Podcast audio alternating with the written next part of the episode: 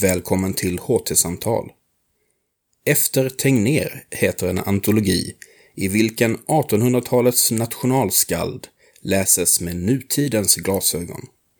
Alfred Sjödin och Jimmy Svensson berättar om projektet i denna inspelning från Bokmässan i Göteborg 2019. Utfrågare är Anna-Klara Törnqvist. Varmt välkomna till nästa programpunkt här i Lunds universitets monter som har rubriken Efter Tegnér. Och då har vi besök av Alfred Sjödin och Jimmy Svensson som båda är litteraturvetare disputerade i Lund. Ja. Eh, som har jobbat med Välkomna. Tack, tack. Och ni är redaktörer för den här så att ni har bidragit med bidrag själva men ni har också satt ihop själva antologin. Ja. Jag tänkte helt som, som litteraturvetare brukar göra, börja med titeln. Efter Tegnér. Vad står det för? Vad betyder det? Ja, vad betyder det? Alltså efter Tegnér. ehm,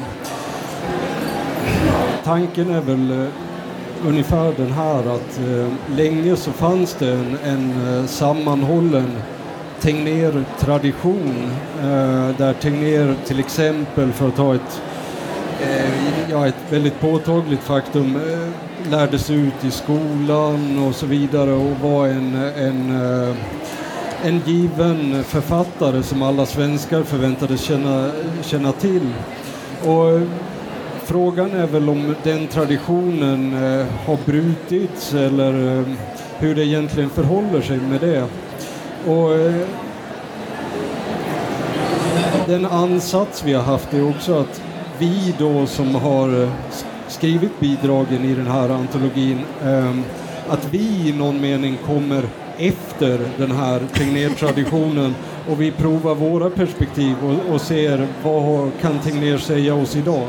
Eh, Ja. Just det. Eh, och det här är ju något som blivit tydligare också i och med att arbetet med den här antologin skedde ju under åren 2016 till 2018 då Lunds universitet firade sitt 350-årsjubileum.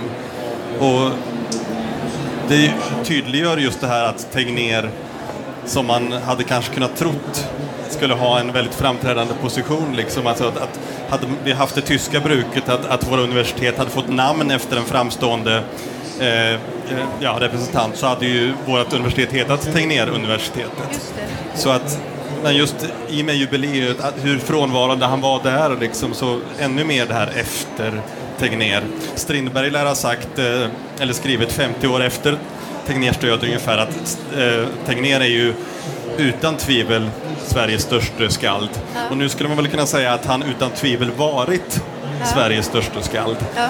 Och det gör honom ju intressant. Alltså, varför har han varit det? Han, har, han, har, han är den som har varit det under längst tid, liksom under hundra år i alla fall. Och det är ju intressant i sig varför någon har varit den största, men inte är det längre. Ja. Och det är ju utgångspunkten här. Just det. Men ni berör ju också det i inledningen att det är viss problematik med Tegnér. Vad är det som har blivit problematiskt med Tegnér i dagens samhällskontext och den synen på honom? Jag, jag, jag vet inte. Alltså, ja, problematiskt. Det beror på lite hur du menar. Det finns ju flera saker. Det finns ju dels det här att eh, på ett sätt att han kanske helt enkelt var för framgångsrik, lite som, eh, som Jimmy var inne på. Eh, och att man inte vet riktigt vad man ska göra av honom idag. Liksom. Eh, sen finns det väl också eh, det finns väl en fråga lite grann, eh, antar jag, också om synen på svensk historia, vilka eh, monument, eh, alltså skriftliga monument som man vill eh, ha kvar och sätta upp som någon sorts eh, eh, ja, sätta på en piedestal i någon mening, ungefär som Tegnér står staty i, i, i Lund. Och eh, eh, Så där kan det möjligen också finnas en eh, problematik. Huruvida den är befogad eller inte kan man verkligen diskutera och när man studerar Tegnér på lite närmare håll så märker man att han har varit ganska illa lämpad för att spela många av de roller som han har spelat historiskt. Så att Eh, men där finns möjligen en problematik också. Så du menar att man har läst Tegnér som det har passat tiden så att säga? Ja, det gör man. Han vore ju inte unik i det förvisso. Eh, men eh, det är väl också att det, har... Eh, jag menar, om du tar Fritiof Saga till exempel som har fungerat som eh, det närmaste Sverige har kommit ett nationalepos och då antas på något sätt eh, stå som en, eh, en eh, stå i någon sorts del, helhet, relation till den, den, svenska kulturen i stort. Att man kommer åt den genom att läsa Fritiof Saga. Och och det är de värden som det har laddats med och som har varit verksamma i svensk historia längre än man kan tro. jag, jag tänker på den här, eh, eh, det här verket av eh, av, eh, ja vad heter de nu, de historieforskarna Trädgård och Berggren, är svensken människa? Och eh, där de pekar på just hur den här typen av föreställningar som gärna knöts till eh, vikingar och, och under tidigare hälften i alla fall av 1800-talet eh, är ganska mycket det, en typ av värden som har levt kvar och format våra föreställningar om individuell autonomi och liknande och sånt som eh, vi ibland pratar om som svenska värden idag. Och, och så. Alltså hur var ert förhållande till Tegnér innan arbetet med den här? Kan du svara på det Jimmy? Eh, ja, liksom för de, de, flesta av oss i den här antologin så har vi, vi kanske ingen direkt relation alls, i alla fall inte forskningsmässigt. Så är det mer ett namn som förstås man känner till lite grann, men som, som utan, och det har ju snarare varit en utgångspunkt för arbetet att vi ville samlas kring någonting som kändes väsentligt men som ändå inte var någon, alltså expertområde för någon av oss sex som är med, utan poängen var just den att vi skulle utifrån lite våra egna expertområden, ofta i nära anslutning till våra av, respektive avhandlingar, närma oss Tegnér. Så att inte som Tegnér Tegnér-forskare eller Tegnér-experter egentligen, utan, utan just från lite andra perspektiv. Så det, ja, det ska vi väl också nämna att det är överlag ganska unga litteraturvetare som har bidragit här. Relativt ja. nydisputerade, eller hur? Precis, det här var ju ett projekt som började i samband med att de flesta av oss antingen precis hade disputerat eller skulle disputera. Så det var liksom ett projekt som fyllde lite ett tomrum. Liksom efter att vi blivit klara med den här stora forskningsinsatsen så kände vi många av oss ett behov av att samlas kring ett nytt projekt och därför blev det här då en bra utgångspunkt och ganska rättvis i någon mening då eftersom vi, ingen av oss ägde ämnet så att säga. Man, man kan väl precisera det möjligen att eh, vårt eh, angreppssätt är, skiljer sig eh, från det vanliga när man sätter samman den här typen av antologier. Så då letar man experter på olika lärosäten och frågar vill ni vara med om, och skriva någonting om det här och det här. Här är det precis tvärtom. Det har en tydlig lokal förankring. Att det var vi i Lund. Det handlar om en eh, författ författare med stark Lunda-koppling. Och det det snarare är så att det har börjat på den vägen. Och, och som Jimmy var inne på det här att eh, eh, ja, att ingen av oss är egentligen expert utan har närmat oss det här på ett lite experimentellt sätt. Att, att utgå ifrån forskningsperspektiv som vi är bekanta med och försöka se vad händer, slår det några gnistor när vi närmar oss Tegnér då?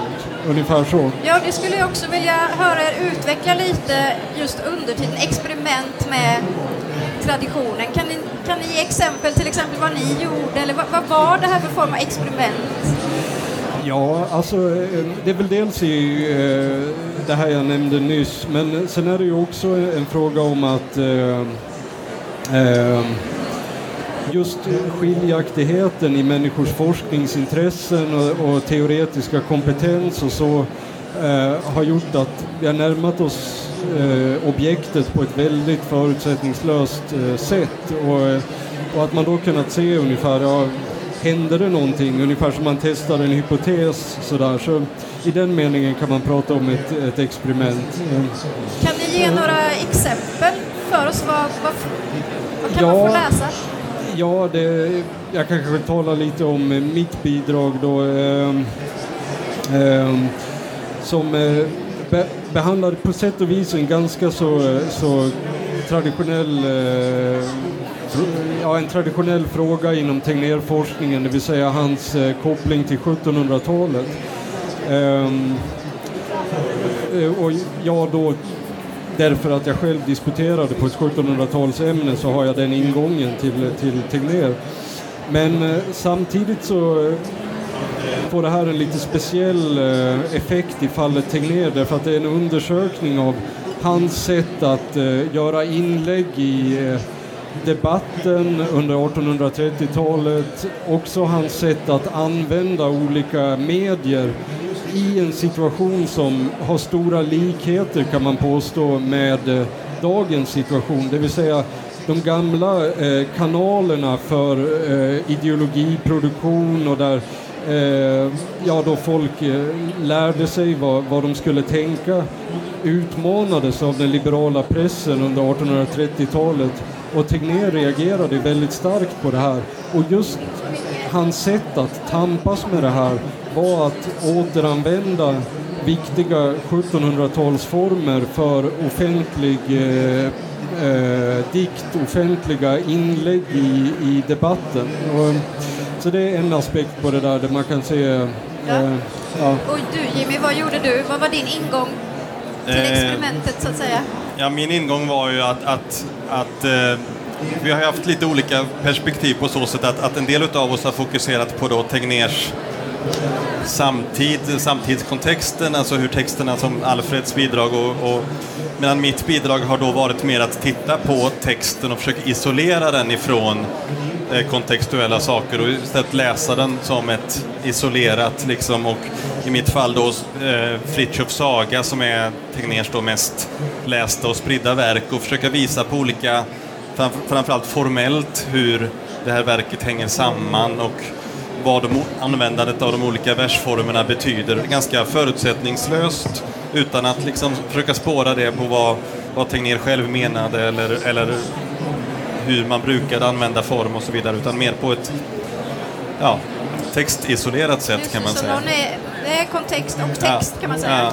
Ja. Och, så kan, och, och, och, särskilt, särskilt vill jag lyfta fram de, de två avslutande bidragen som fokuserar just på Tegnér-traditionen, ja. alltså mer snarare på hur Tegnér har förvaltats och hur han har skildrats i Kenneth Lindegren skriver i sitt bidrag om dels hur, hur då i biografierna, hur Tegnér har liksom skildrats, hur man levt sig in i honom, men även hur han rent litterärt har framställts i liksom mer litterära skildringar. Och sen Evelina Stenbeck visar då hur en dikt av Tegnér har använts av 1900-tals eh, författare, eller väldigt moderna författare, liksom som en och då, eh, som en, det, då det eviga, dik, eh, Tegnérs mest kända dikt som då moderna författare har använt som en slags eh, ja, genom att skriva mot den här dikten eller använda den så visar man på liksom vilka politiska förskjutningar och så vidare. Liksom, Tegnér lyfter fram det eviga men just genom att liksom sampla den här dikten, använda delar av den så visar man just på det som inte är evigt utan det som är politiskt och som är föränderligt.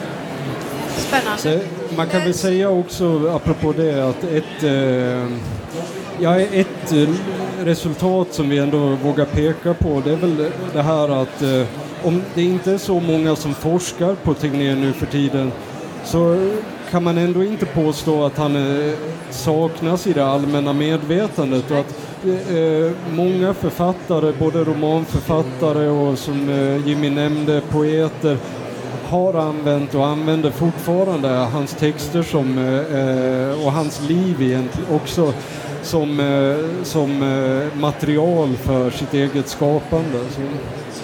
Avslutningsvis, efter, efter Tegnér, vad, vad händer nu? Ja, vad händer nu? Um, det, jag själv fick lite blodad tand av det här projektet så att jag arbetar på en uh, eh, tillsammans med, med eh, experter på engelsk, eh, lit, ja, engelsk litteraturhistoria för att eh, undersöka hur Fritiof Saga översattes och eh, samspelade med eh, ja, den, intresset för det nordiska i, i brittisk romantik. Eh, men eh, jag vågar påstå att det finns en hel del eh, spännande trådar som har dykt upp som man skulle kunna fortsätta att dra i. Bland annat det här med Tegnér som eh, någon som använder olika medier tycker jag är ett spännande perspektiv. Eh, just det här att det mediesamhället, ja det fanns kanske inte riktigt, men eh, medieekologin förändrades väldigt mycket på hans tid och att, hur han navigerade genom det landskapet. Eh, en intressant fråga som borde undersökas. Spännande. Vi kanske har fler intressanta frågor för nu har vi kommit fram till punkten där publiken får komma med frågor.